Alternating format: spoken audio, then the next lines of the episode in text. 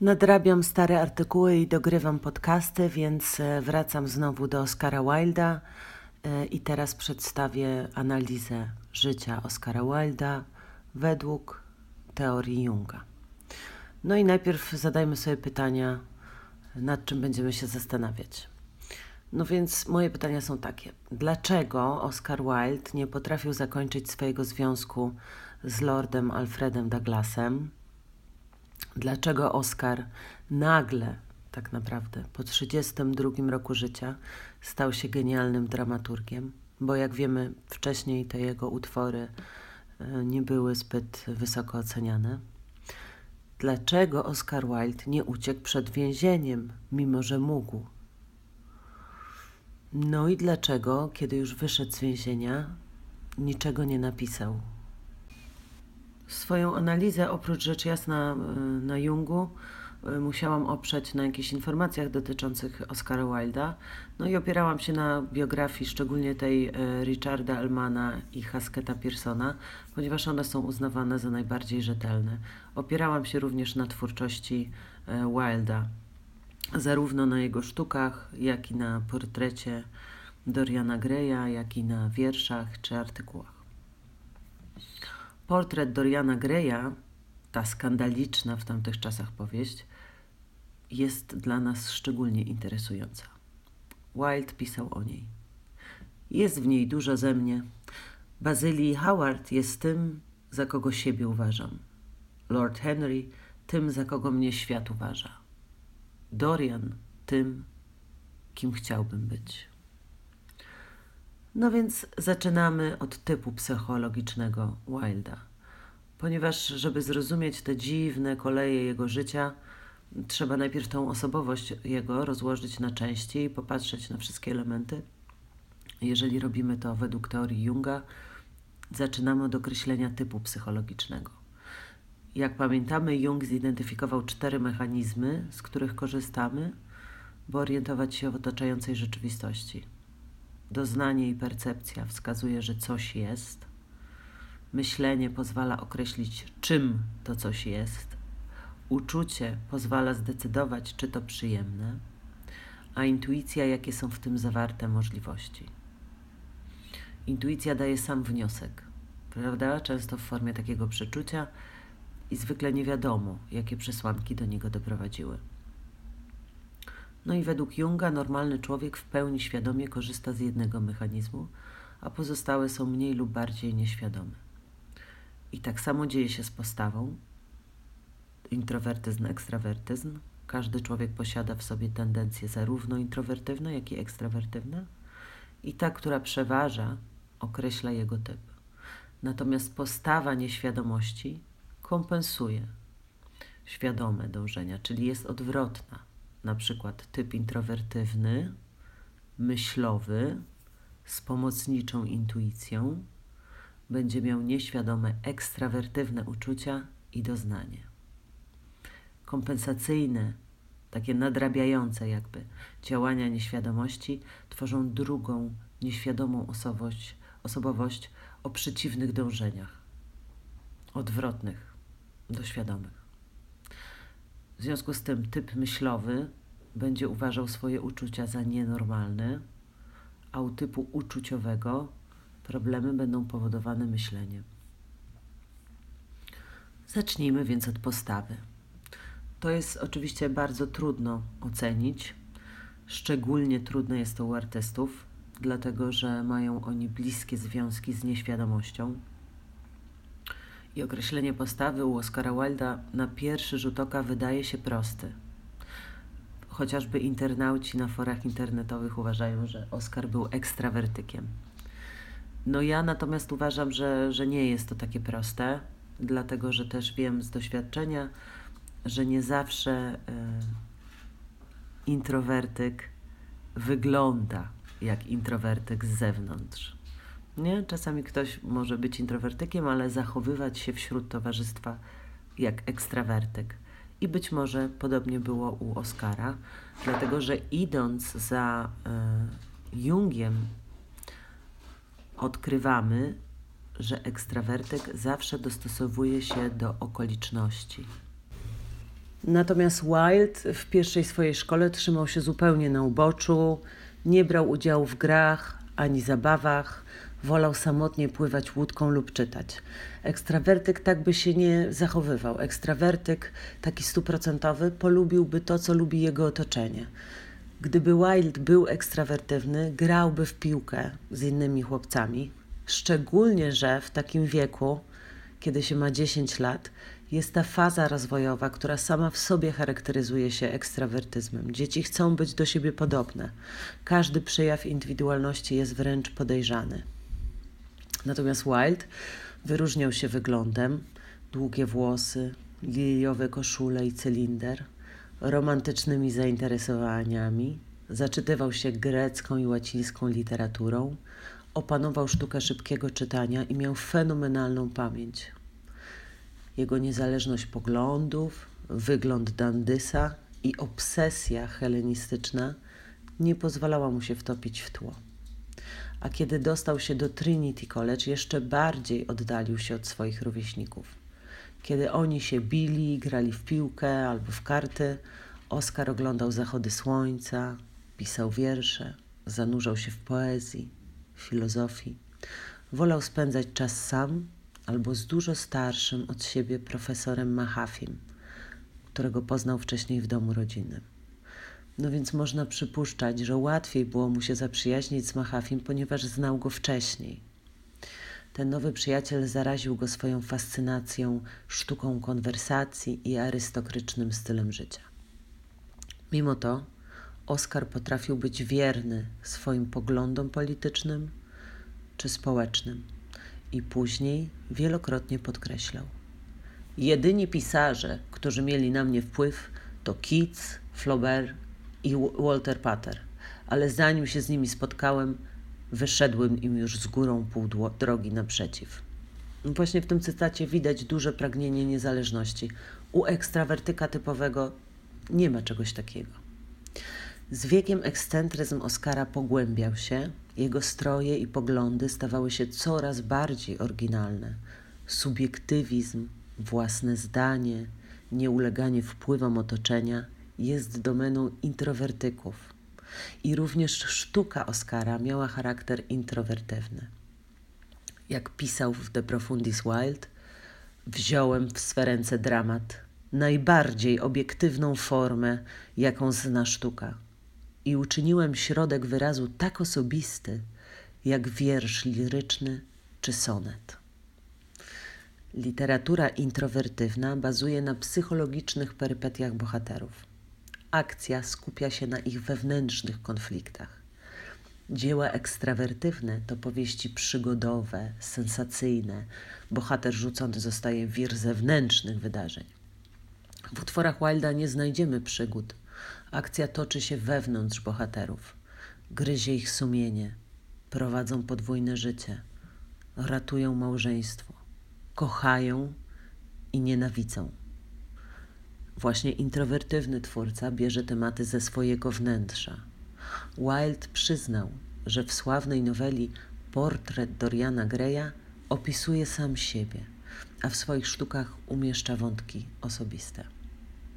Nikt bowiem nie potrafi wyjść z siebie i żadne dzieło nie może posiadać tego, czego nie posiadał jego twórca. Tak mówił Wilde. Kolejne dowody znajdujemy w Dorianie Greyu.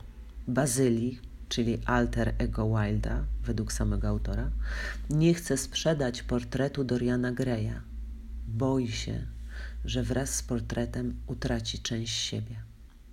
W innym miejscu dodaje – nie chcę obnażać mojej duszy przed bezmyślnymi, ciekawymi oczyma tłumu.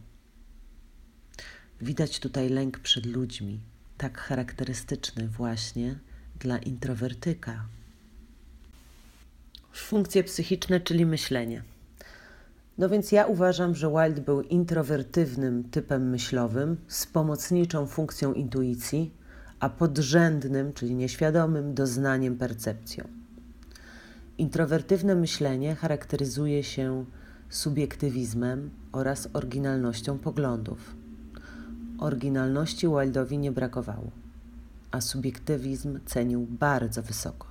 I w swoim eseju Krytyk jako artysta Wilde przekonuje, właściwym celem krytyki jest dostrzec prawdziwą naturę krytykowanego obiektu. Twierdzenie to opiera się na poważnym błędzie i nie uwzględnia najdoskonalszej formy krytyki, która w istocie swej jest czysto subiektywna i zmierza do odsłonięcia własnych, nie cudzych tajemnic. Dalej w tym samym eseju Wilde pisze: Ten zaś, kto pragnie prawdziwie zgłębić Szekspira, musi zgłębić stosunek tego poety do odrodzenia i reformacji, do ery elżbietańskiej i czasów Jakuba I. Musi znać dzieje walki o palmę pierwszeństwa między starymi formami klasycyzmu i nowym duchem romantycznej przygody, między szkołą Sidneya, Daniela i Johnsona, a szkołą Marlowa i większego syna Marlowa. Musi poznać materiały, z których korzystał Szekspir i szekspirowskie metody opracowywania prze przeróbek. I warunki teatralne XVI i XVII wieku wraz z ich ograniczeniami i możliwościami większej swobody. Musi umieć powiązać elżbietański Londyn z Atenami Peryklesa i odnaleźć prawdziwe miejsce Szekspira w historii europejskiego i światowego dramatu. Powyższy cytat mógłby wydawać się dowodem na rzecz ekstrawertywnego myślenia, czyli umiłowania faktów, ale autor konkluduje.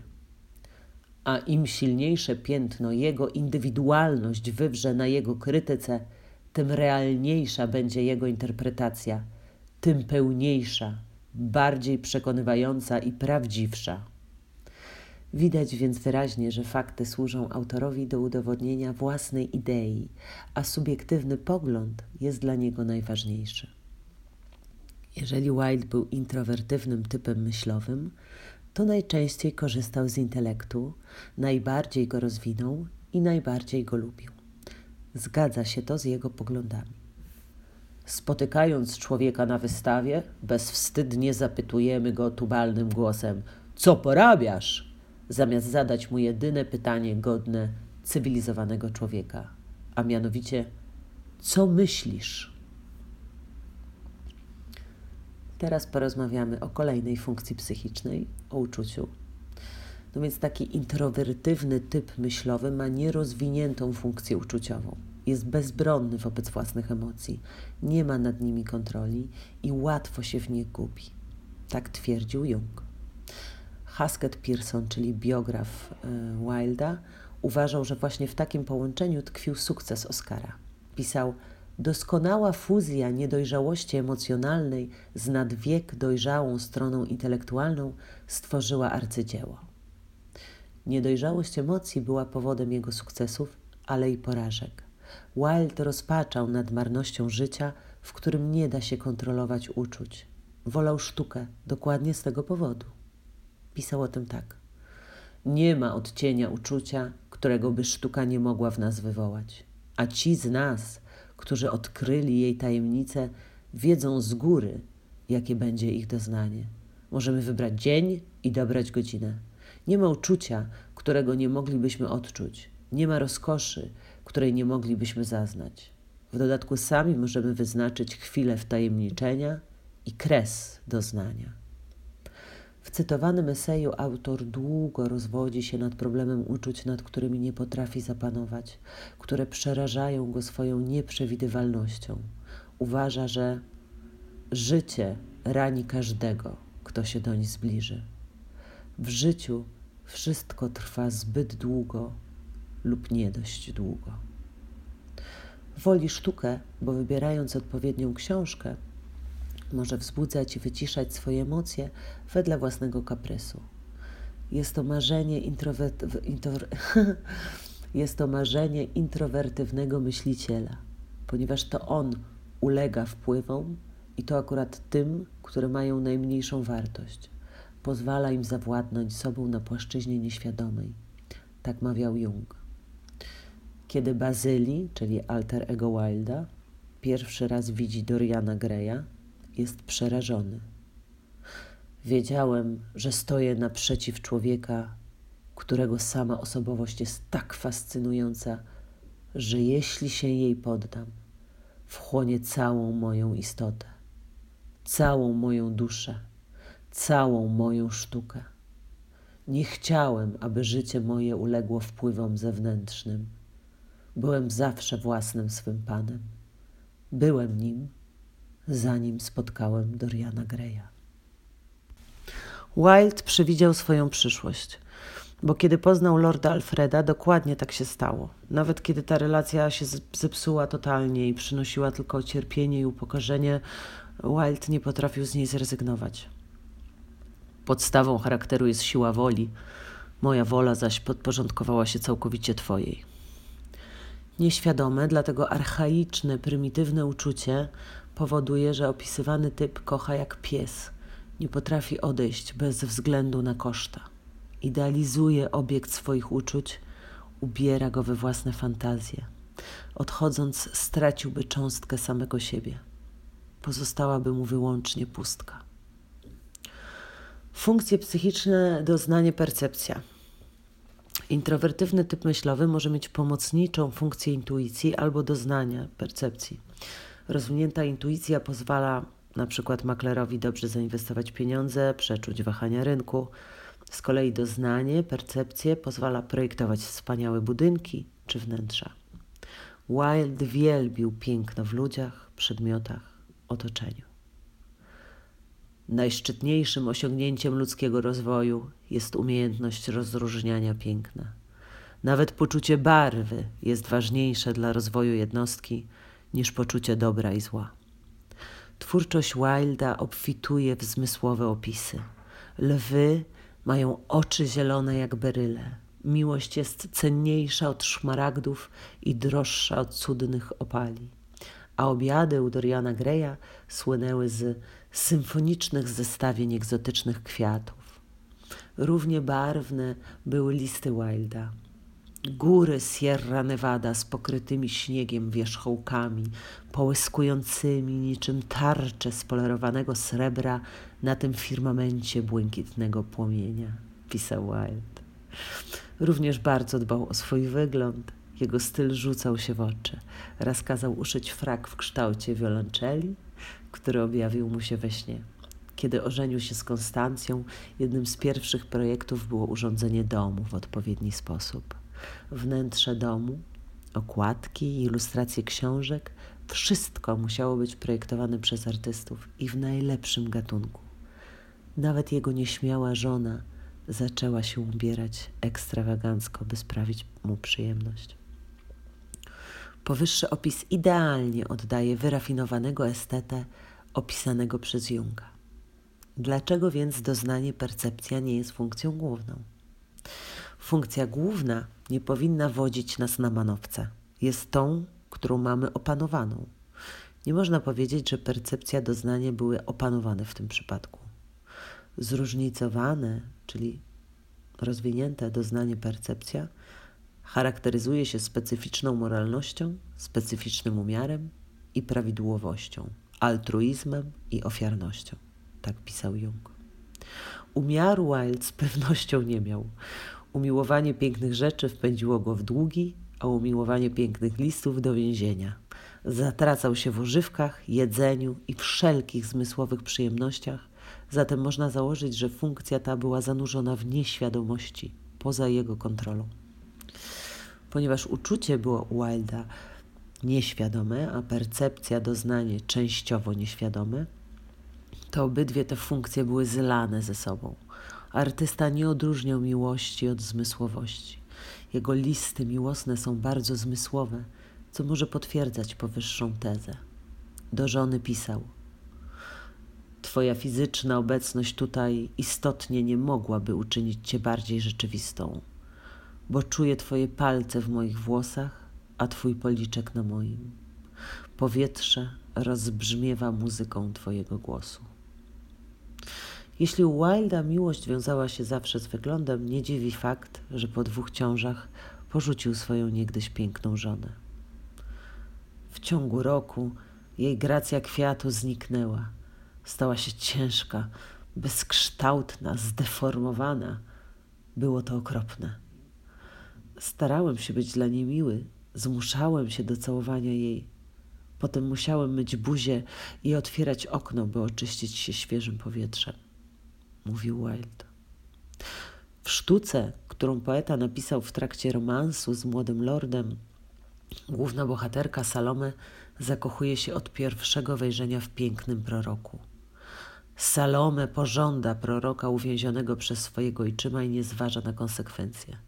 Salome obsesyjnie zakochuje się w mężczyźnie, którego zupełnie nie zna, którego widziała przez mgnienie oka. Oczarowana jego wyglądem, uważa, że go pokochała. Jak ja pokochałam Ciebie, gdy tylko Cię ujrzałam, rozpala mnie Twa uroda, pożądam Twego ciała. Ni wino, ni owoce nie zaspokoją mych rządz. I cóż ja teraz pocznę? Wody rzek ani mórz nie ugaszą mych pragnień. Prorok natomiast brzydzi się fizycznym aspektem miłości, dlatego odrzuca zaloty pięknej księżniczki. Ta, wzgardzona, każe go zabić i podać jego głowę na srebrnej tacy. Niestety zemsta nie łagodzi cierpienia kobiety, rozpacza nad swoją niedolą. Tyś był, tyś był jedynym mężczyzną, którego pokochałam. Inni mnie odstręczają, ale ty byłeś piękny. Symbolicznie historia Salome ukazuje prymitywną, archaiczną żądzę, której nie da się pogodzić z duchowym aspektem człowieczeństwa. Być może Wilde pisał o sobie, o swoim całkowitym i wszechogarniającym afekcie do młodego i pięknego kochanka. To by się zgadzało z hipotezą zlanych funkcji. Również w portrecie Doriana Greya Bazyli tak samo obsesyjnie kocha Doriana. Nie czułbym się szczęśliwy, gdybym go nie widywał codziennie. Jest mi niezbędnie potrzebny. Tak mówi Bazyli. W poprawionym, ocenzurowanym wydaniu, które jest aktualnie dostępne, Bazyli kocha Doriana z powodu natchnienia. Jednak w pierwszej wersji książki chodziło o wszechogarniającą miłość fizyczną. Obsesyjne, zmysłowe uczucie jest stałym motywem w twórczości Wilda. Taka właśnie miłość charakteryzowała jego fatalny romans z Bossim, choć ten związek miał też inne podstawy.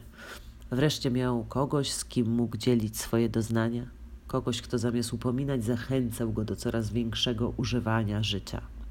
List, który Wilde napisał z więzienia, pokazuje, jak wyglądało ich wspólne życie. O dwunastej nadjeżdżałeś ty i gadałeś, paląc papierosy do 13.30, kiedy to byłem zobowiązany zabrać cię na lunch do Café Royal albo Berkeley. Lunch wraz z likierem przeciągał się zazwyczaj do 15.30. Obiad jadłeś ze mną w Savoyu albo na Tide Street.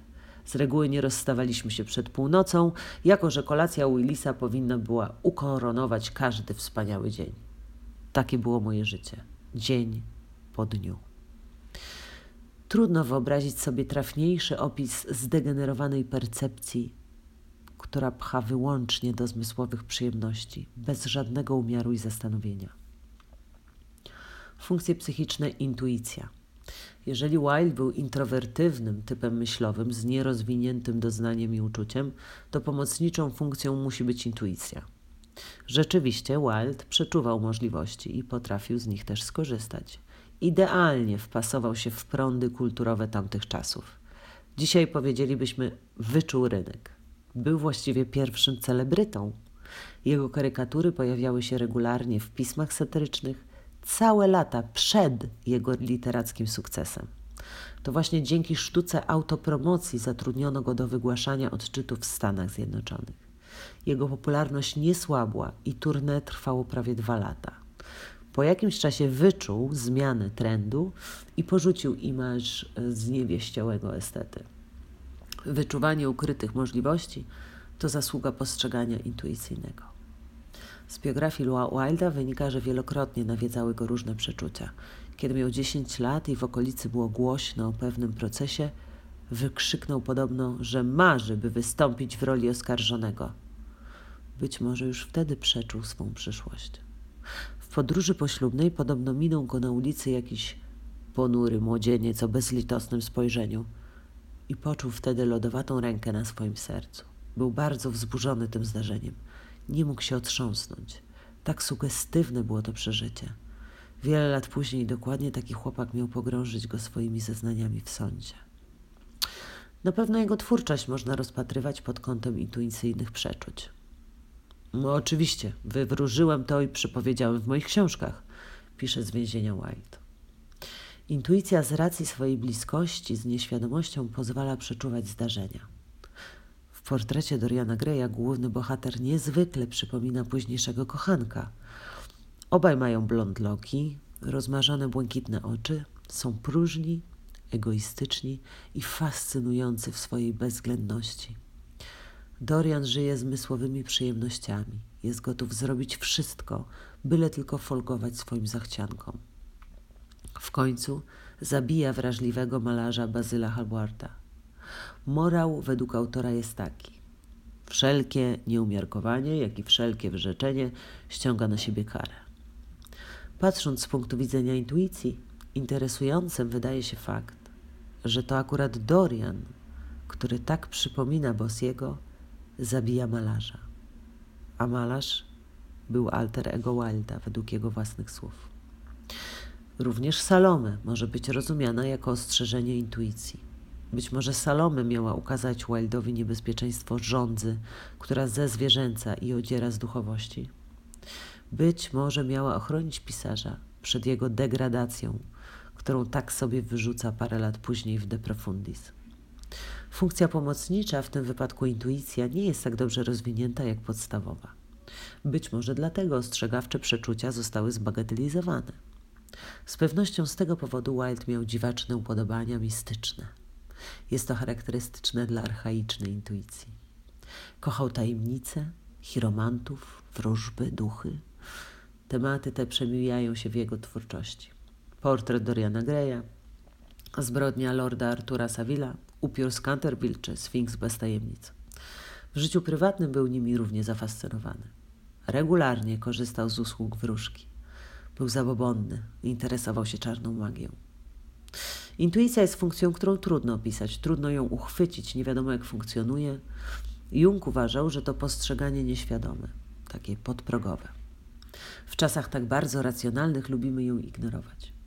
Jednak przypuszczam, że to właśnie intuicja pozwoliła Wildowi osiągnąć tak niesamowity sukces. A gdyby dalej się jej słuchał, być może uniknąłby więzienia. Może gdyby namowy przyjaciół połączył z własnym przeczuciem, uciekłby za granicę i nie skończył jako wypalony, zrozpaczony wygnaniec. Niestety, wtedy był już pod wpływem wynaturzonej percepcji. Liczyły się tylko przyjemności zmysłów. Ok, więc podsumujmy tutaj typ psychologiczny Wilda. Próbowałam udowodnić, że Wild był introwertywnym typem myślowym z pomocniczą intuicją, dlatego uczucia i doznanie były zlane ze sobą i nieświadome. Wild mógł być przenikliwym intelektualistą, jednak wewnątrz był infantylnie uczuciowy i nastawiony na zmysłowe doznania. Jeżeli tak było, to by wyjaśniało problemy życia uczuciowego Oscara. Nierozwinięte uczucia sprawiały, że nie przewidział, jak bardzo będzie się nudził w małżeństwie, a potem zupełnie nie zdawał sobie sprawy, jak cierpi jego rodzina, kiedy opuścił ich z powodu romansu. Wyjaśnia to również wiele nieudanych prób zerwania z Bossim. Mimo, że intelekt wyraźnie opowiadał się za rozstaniem, to archaiczne, nierozwinięte uczucia zlane z doznaniem nie dorastały do intelektu. Kiedy Bossy błagał o wybaczenie, sentymentalna, infantylna i rozpustna, podrzędna osobowość zmuszała Wilda do przyjęcia kochanka z powrotem. To właśnie ta podrzędna osobowość, nastawiona ekstrawertywnie, sprawiała, że Wild nie radził sobie z pieniędzmi, alkoholem czy jedzeniem. Przywiązanie do przedmiotu, osób i rzeczy było zbyt silne. Oczywiście są również takie kwestie, które przeczą mojej hipotezie introwersji. Przede wszystkim łatwość, z jaką czarował swoich rozmówców, umiejętność promowania samego siebie, pewnego rodzaju bezczelność, jaka jest do tego potrzebna. Z biografii wynika również, że uwielbiał być wśród ludzi, choć traktował ich bardziej jak publiczność niż równorzędnych partnerów. Pragnął być przez nich podziwiany i adorowany. Z drugiej strony, alter ego Wilda powiada: Wiesz, że my, nieszczęśni artyści, musimy się od czasu pokazywać w towarzystwie, od czasu do czasu pokazywać w towarzystwie, aby przypomnieć publiczności, że nie jesteśmy dzikimi ludźmi. A sam autor dodaje: Kto stale kroczy śladami Balzaka, dlatego żywi przyjaciele stają się cieniem, a znajomi cieniem cienia. Te sprzeczności, o których tutaj powiedziałam, można wyjaśnić na wiele sposobów. Ja wybrałam cztery wyjaśnienia. Czyli po pierwsze, Jung podkreśla, że chodzi o pewną przewagę funkcji. Każdy z nas posiada i korzysta z obydwu mechanizmów. Zachowanie ekstrawertywne nie przeczą zatem przedstawionemu yy, powyżej przyporządkowaniu. Z kolei Sharp, inny jungista, przypomina, że istotne są motywacje, jakie stoją na przykład za towarzyskością. Jeśli motywacje są subiektywne, to nadal będzie to osoba introwertywna. Można założyć, że traktowanie ludzi jak publiczności jest taką subiektywną właśnie motywacją. Po drugie, być może Oskar był ekstrawertykiem, wycofanym ze względu na swój homoseksualizm, który sprawiał, że miał inne gusta niż rówieśnicy. Kiedy natknął się na odpowiadający jego potrzebom estetyzm, ekstrawertywnie poddał się jego wpływowi. Ale w świetle y, hipotezy, y, ta hipoteza w świetle teorii Junga jest nie do utrzymania, dlatego że gdyby był ekstrawertywny, to zawsze umiałby się dostosować do otoczenia. Najpierw grałby w piłkę z chłopcami, a potem bez żadnego problemu przemieniłby się w estetę. No i uległby też namowom przyjaciół i uciekł przed więzieniem. Po trzecie, trzecie wyjaśnienie, mógł być, tak jak wielu artystów, zupełnie niezróżnicowany. Mógł być cudowną mieszanką wszystkich funkcji, bez żadnej głównie, głównej. Natomiast jeżeli Wilde byłby zupełnie niezróżnicowany, oznaczałoby to ogromną niedojrzałość. A Wilde miał okresy w życiu, kiedy świetnie sobie radził z dorosłością. Bardzo dobrze się ożenił i początkowo był szczęśliwy. W pewnym momencie, kiedy urodziły się dzieci i potrzebne były pieniądze, pracował na etacie prawie przez dwa lata przenikliwie rozegrał swoją karierę. Jakobi, jungistka, pisze o niezróżnicowanej osobie, że jest chwiejna w swoich poglądach, czynach, podatna na wpływ. Wiąże się to z kompleksem puer eternus, do którego wrócę w dalszej części pracy. Czwarta możliwość. Wilde był introwertykiem, który pod wpływem otoczenia, choćby Mahafiego, stworzył sobie ekstrawertywną personę. I opierając się na oryginalnych tezach Junga, ta hipoteza wydaje mi się najbardziej prawdopodobna i dlatego będę później o niej mówić w kolejnym odcinku, który będzie już ostatnim odcinkiem tej serii. Bardzo Wam dziękuję za uwagę i do usłyszenia niebawem. Dobrego dnia.